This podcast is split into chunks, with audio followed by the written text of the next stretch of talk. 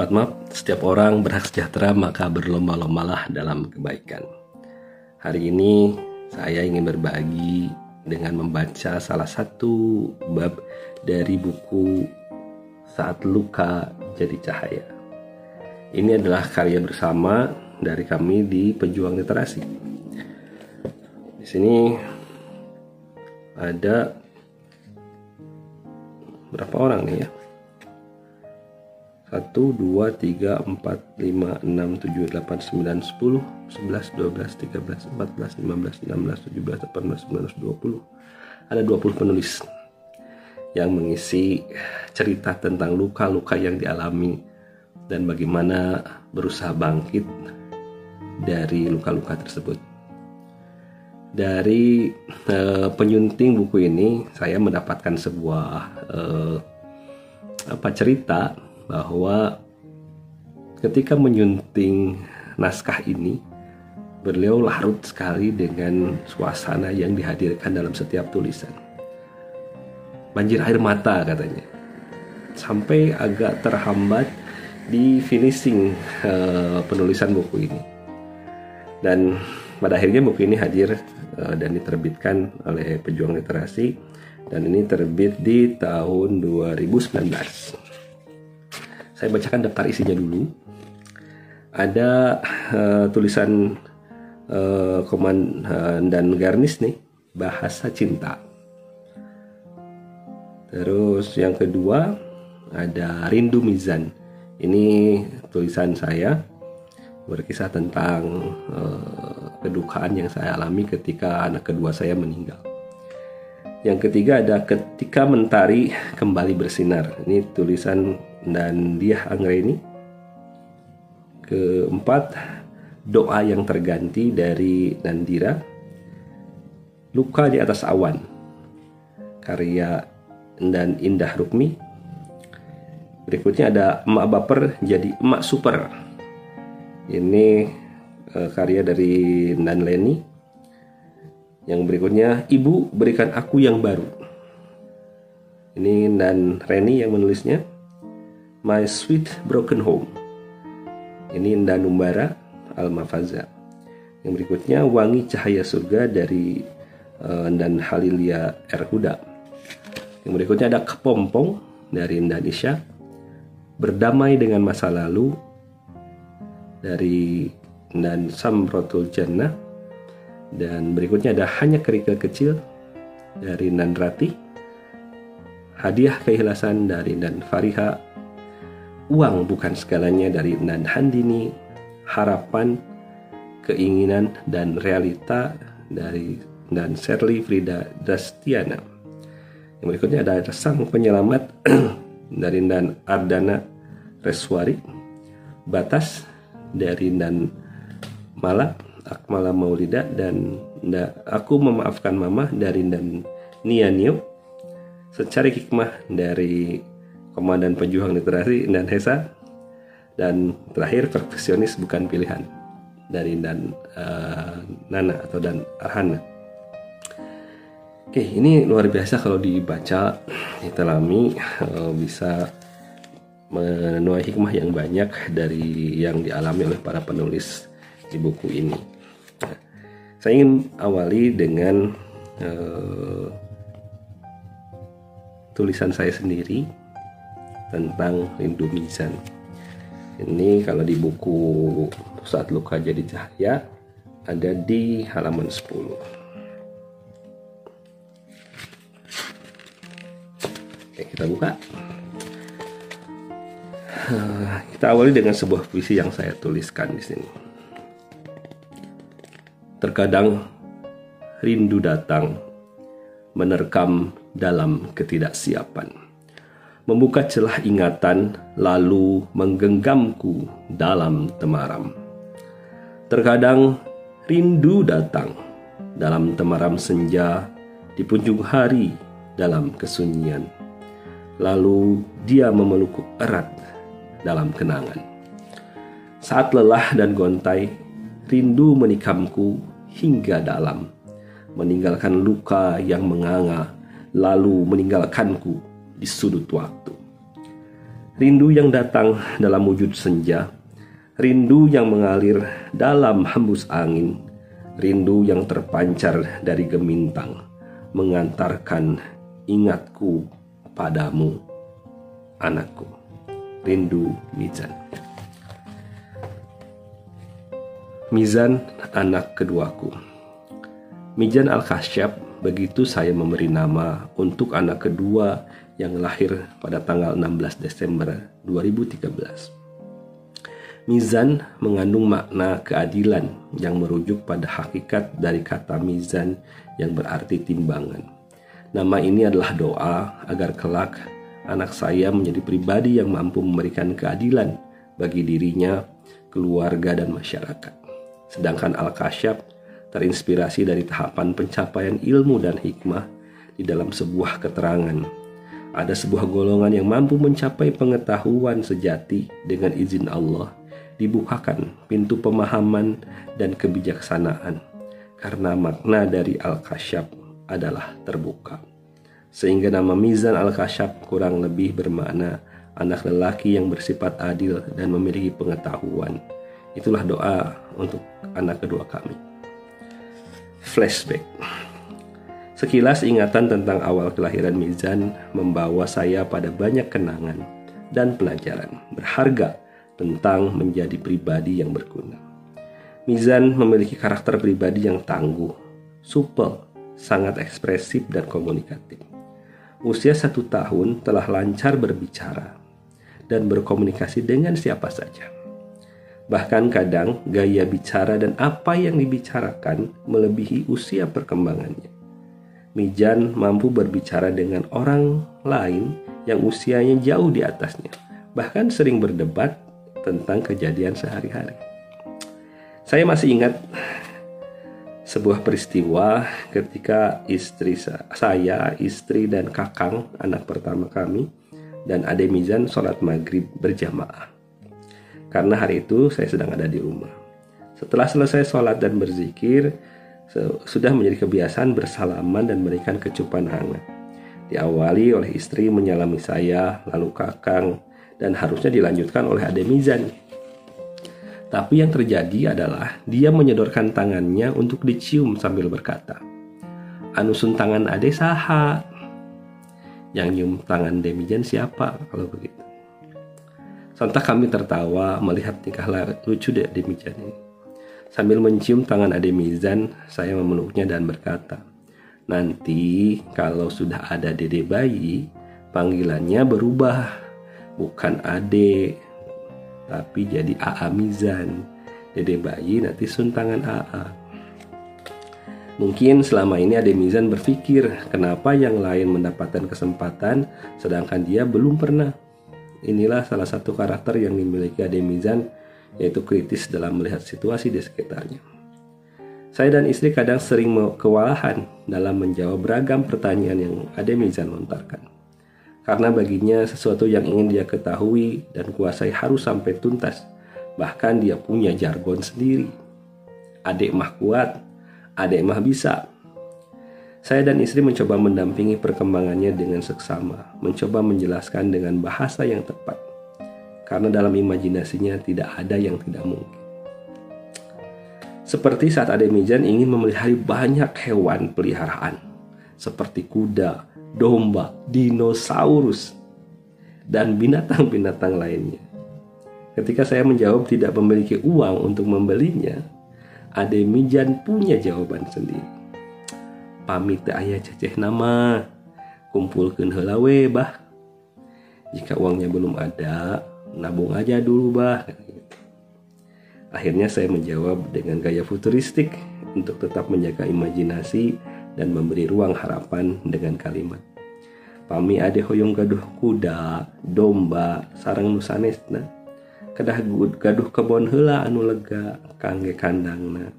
Janten ade kedah soleh sarang pinter supaya engke pamitos ageng biasa gaduh ceceh anu jantan tiasa meser anu dipika hoyo jika ade pengen punya kuda domba dan binatang yang lain harus punya kebun yang luas untuk kandang. Jadi Ade harus jadi anak yang soleh dan pintar agar kelak ketika besar bisa memiliki uang yang banyak dan bisa membeli yang diinginkan. Hari terakhir Hari Minggu tanggal 25 Maret 2018 adalah hari terakhir saya bercengkrama dengan Ade Mizan. Seminggu sebelumnya Ade bercerita bahwa Kakang lari pagi bersama teman-temannya dan Ade tidak diajak. Sehingga jauh hari dia meminta saya untuk menemaninya lari pagi di hari Minggu yang akan datang.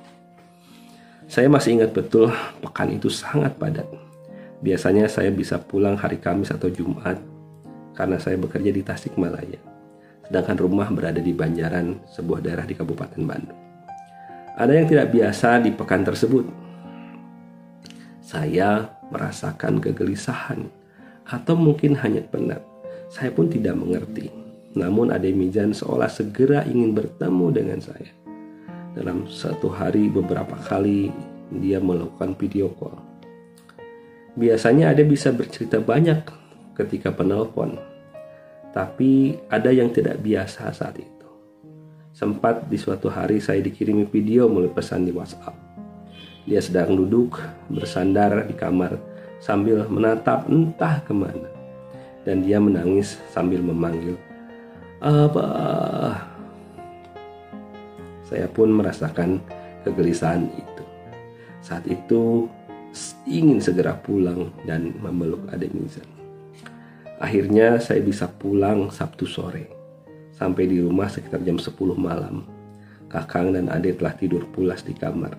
Saat itu saya melihat Mijan tidur sangat pulas. Saya memeluk dan menciumnya, melepas kerinduan. Pagi-pagi sekitar jam 6.30 saya sedang beres-beres dan membuat anak panah dari bambu. Mizan bangun dan dengan sigap berkata, Abah, hayu, lari pagi teh ya. Bah, ayo lari pagi katanya begitu. Padahal dia baru bangun.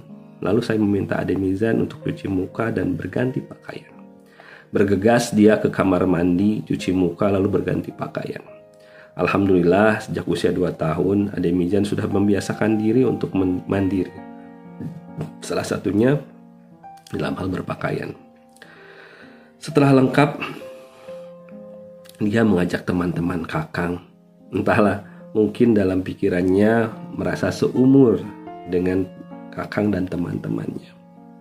Setelah semuanya siap, kami pun berangkat menuju daerah Kiara Payung, lokasi yang cukup menanjak dan sering digunakan untuk kegiatan lari pagi khususnya di hari Minggu. Ade Mijan saat itu baru berusia 4 tahun. Artinya sebagai seorang ayah, saya memperhitungkan kemampuan anak saya. Kami berlari pelan dan penuh semangat. Saya melihat kebahagiaan yang luar biasa yang Ade Mizan tunjukkan saat itu. Keringat memenuhi jidatnya yang sangat luas. Sesekali saya menawarkan untuk menggendongnya jika sudah capek. Lagi-lagi Demizan menolak. Adek mah kuat Sesekali ketika mungkin sudah mulai capek, dia memegang tangan saya, tapi tidak mau digendong. Bagi ukuran orang dewasa saja, untuk sampai di tempat yang kami tuju, yaitu sebuah lapangan terbuka, bisa menguras tenaga dan melelahkan. Apalagi bagi anak seusia Demizan. Namun saat itu tidak ada raut lelah. Bahkan ketika sampai di lapangan dan melihat banyak teman dan saudara yang sudah sampai lebih dulu, dia langsung bermain, bahkan adu lari mengelilingi lapangan sepak bola. Saya melihat karakter yang sangat kuat, tidak mau kalah dan ingin menunjukkan bahwa dia mampu dan bisa seperti orang lain. Sebelum pulang, Ade Mijan sempat berpose dan diabadikan dalam foto telepon uh, genggam adik ipar saya. Tidak ada pertanda apa pun yang saya rasakan saat itu. Hanya tersenyum melihat tingkah anak-anak sambil istirahat di pinggir lapangan ada yang mengajukan permohonan. Waktu pulang nanti minta istirahat dan jajang di warung yang baru karena ada warung baru di situ. Setelah sejenak istirahat, kami memutuskan untuk pulang dan saya kembali menawarkan untuk menggendong Ade Mizan. Tetap saja dia menolak dan masih mampu berjalan bersama dengan saudaranya yang lain. Sepanjang jalan saya selalu mengawasi dan mewanti-wanti untuk hati-hati karena hari Minggu biasanya tidak hanya ramai oleh pejalan kaki, tapi juga kendaraan motor, terutama motor trail. Karena jalur tersebut terhubung dengan pegunungan yang biasanya dijadikan trek para penghobi motor trail. Saat itu ada serombongan motor trail yang lewat. Saya pun semakin sering mengingatkan anak-anak untuk hati-hati jika anak menyeberang. Menjelang warung yang akan dituju, dan pada saat kami hendak menyeberang, tiba-tiba ada dua pengendara motor trail yang tercecer dari rombongan memacu gas cukup kencang dan menyambar Ademijan hingga terpental dan jauh terjatuh di aspal. Saat itu Waktu seolah berhenti dan saya langsung berlari menghampiri Ade yang langsung tidak sadarkan diri. Saya langsung menggendongnya dan meminta si pengendara motor membawa saya ke rumah sakit. Saat itu yang terpikir adalah tindakan pertama yang harus dilakukan, membawanya ke rumah sakit. Perjuangan hingga kematian. Sepanjang jalan saya berdoa dan memeluk erat Ade Mijan. Saat itu saya pun tidak tahu seberapa parah luka yang dialami anak saya. Dia sudah tidak sadar sejak kejadian. Segera saya bawa ke ruang gawat darurat dan alhamdulillah mendapatkan tindakan pertama dan dilanjutkan pemindahan pemindaian luka di kepala. Beberapa saat kemudian dokter memanggil saya dan keluarga lalu menjelaskan hasil dan kemungkinan tindakan berikutnya. Dokter menjelaskan bahwa luka di kepala Demizan parah dan harus dirawat secara khusus. Saat itu rumah sakit tidak mampu memberikan layanan, sehingga saya dibantu oleh kakak dan saudara lain mencari rumah sakit lain yang bisa segera memberikan tindakan. Selama menunggu saya tidak ingin beranjak dari Ademijan. Saya pegang erat tangannya, saya ciumi sambil berdoa kepada Allah agar diberikan jalan terbaik untuk kesembuhan Ademijan. Alhamdulillah sekitar jam 4 lewat saya mendapatkan rumah sakit rujukan yang bisa memberikan layanan dan menjelang maghrib Ademijan dipindahkan menuju rumah sakit kedua. Saat itu dokter dan pihak rumah sakit menyesalkan keterlambatan karena pasien sudah datang dalam keadaan yang kritis. Namun dokter menyatakan kesanggupan melakukan upaya terbaik untuk paling tidak menyelamatkan dari sisi medis. Kurang lebih 4 jam dokter melakukan pembedahan di kepala Demijan. Karena ternyata separuh tempurung kepalanya pecah karena benturan keras. Dan beberapa bagian otak mengalami pendarahan dan harus dibuang. Sekitar jam 2 dini hari, saya dipanggil oleh tim dokter yang akan menyampaikan hasil penanganan dan upaya tindak lanjutnya. Dokter menyampaikan ragam kemungkinan yang harus siap diterima baik jika pasien selamat ataupun meninggal. Pukul 3.30, Ademizan dipindahkan ke ruang pemulihan dan perawatan intensif. Saya diberikan kesempatan melihat kondisinya saat itu bersama dengan istri saya. Ada harapan dan simpul doa yang terus mengalir dalam hati kami untuk keselamatan dan kesembuhan Ademizan. Kami dipersilahkan untuk beristirahat dan menunggu perkembangan di ruang yang telah disediakan. Sejenak saya rebah di kursi karena beratnya peristiwa saat itu. Ajan subuh berkumandang. Saya bergegas mengambil air wudhu dan menunaikan sholat. Di penghujung sholat, istri saya mencari karena ada panggilan dari ruang perawatan. Setelah selesai, saya dan istri segera menuju tim dokter untuk melihat perkembangan Ademijan. Ternyata kondisinya kritis. Tanda vital kehidupannya mulai melemah. Paru-paru, detak jantung mulai tidak terlihat di monitor. Saat itu dalam hati saya menjerit dan berdoa. Ya Allah, jika yang terbaik menurutmu adalah sembuh, maka sembuhkanlah.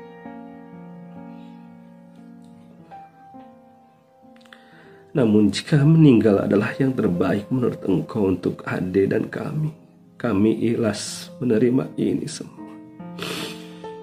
Saat itu saya peluk istri saya dan saya sadar istri saya belum menunaikan ibadah sholat subuh karena berbarengan dengan panggilan dari ruang perawatan.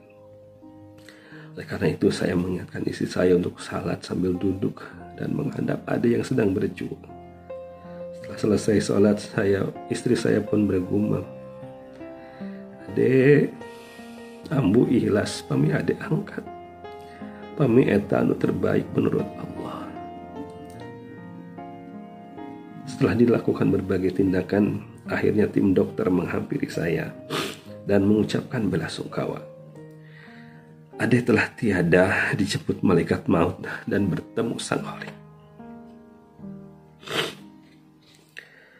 Mengalirkan ingatan. Peristiwa ini terasa seperti mimpi. Saya masih sering merasa bahwa Ade Mizan masih hidup.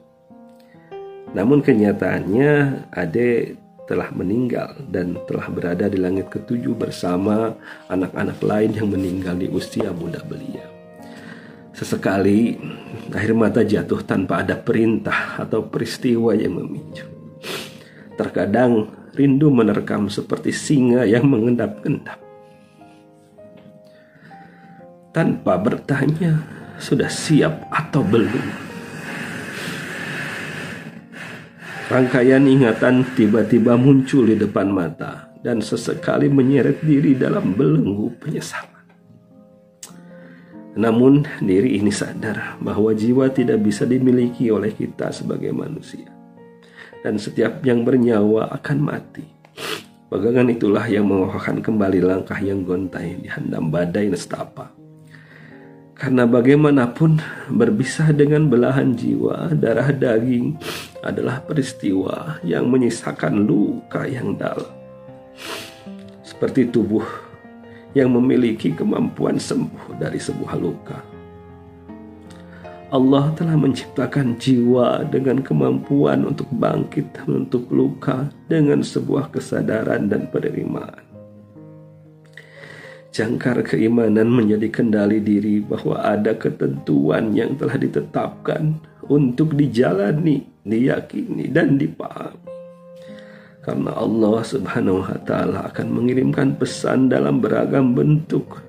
Bahkan dalam selembar daun yang jatuh terdapat pesan yang harus mampu kita tangkap.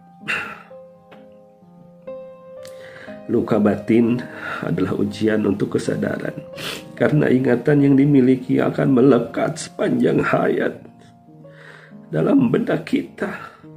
Apa yang dialami apa yang dirasakan, baik buruk, suka duka, dan semua tentang kehidupan yang kita jalani.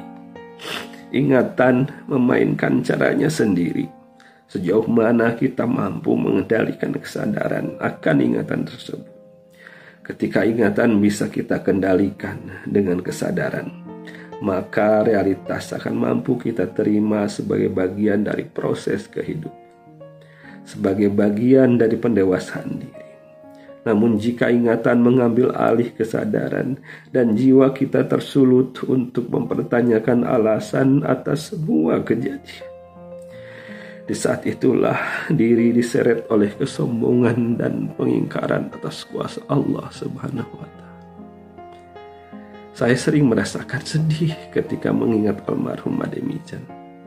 Saya tidak mengingkarinya, saya menerima kesedihan itu. Saya alirkan dalam doa, dalam bait-bait puisi, dan dalam entayan kata-kata. Sehingga ada makna yang tercipta yang kemudian mampu menembus kesadaran diri dan mungkin membantu orang menyadari hal-hal yang serupa. Setiap orang berak sejahtera maka berlomba-lombalah dalam kebaikan.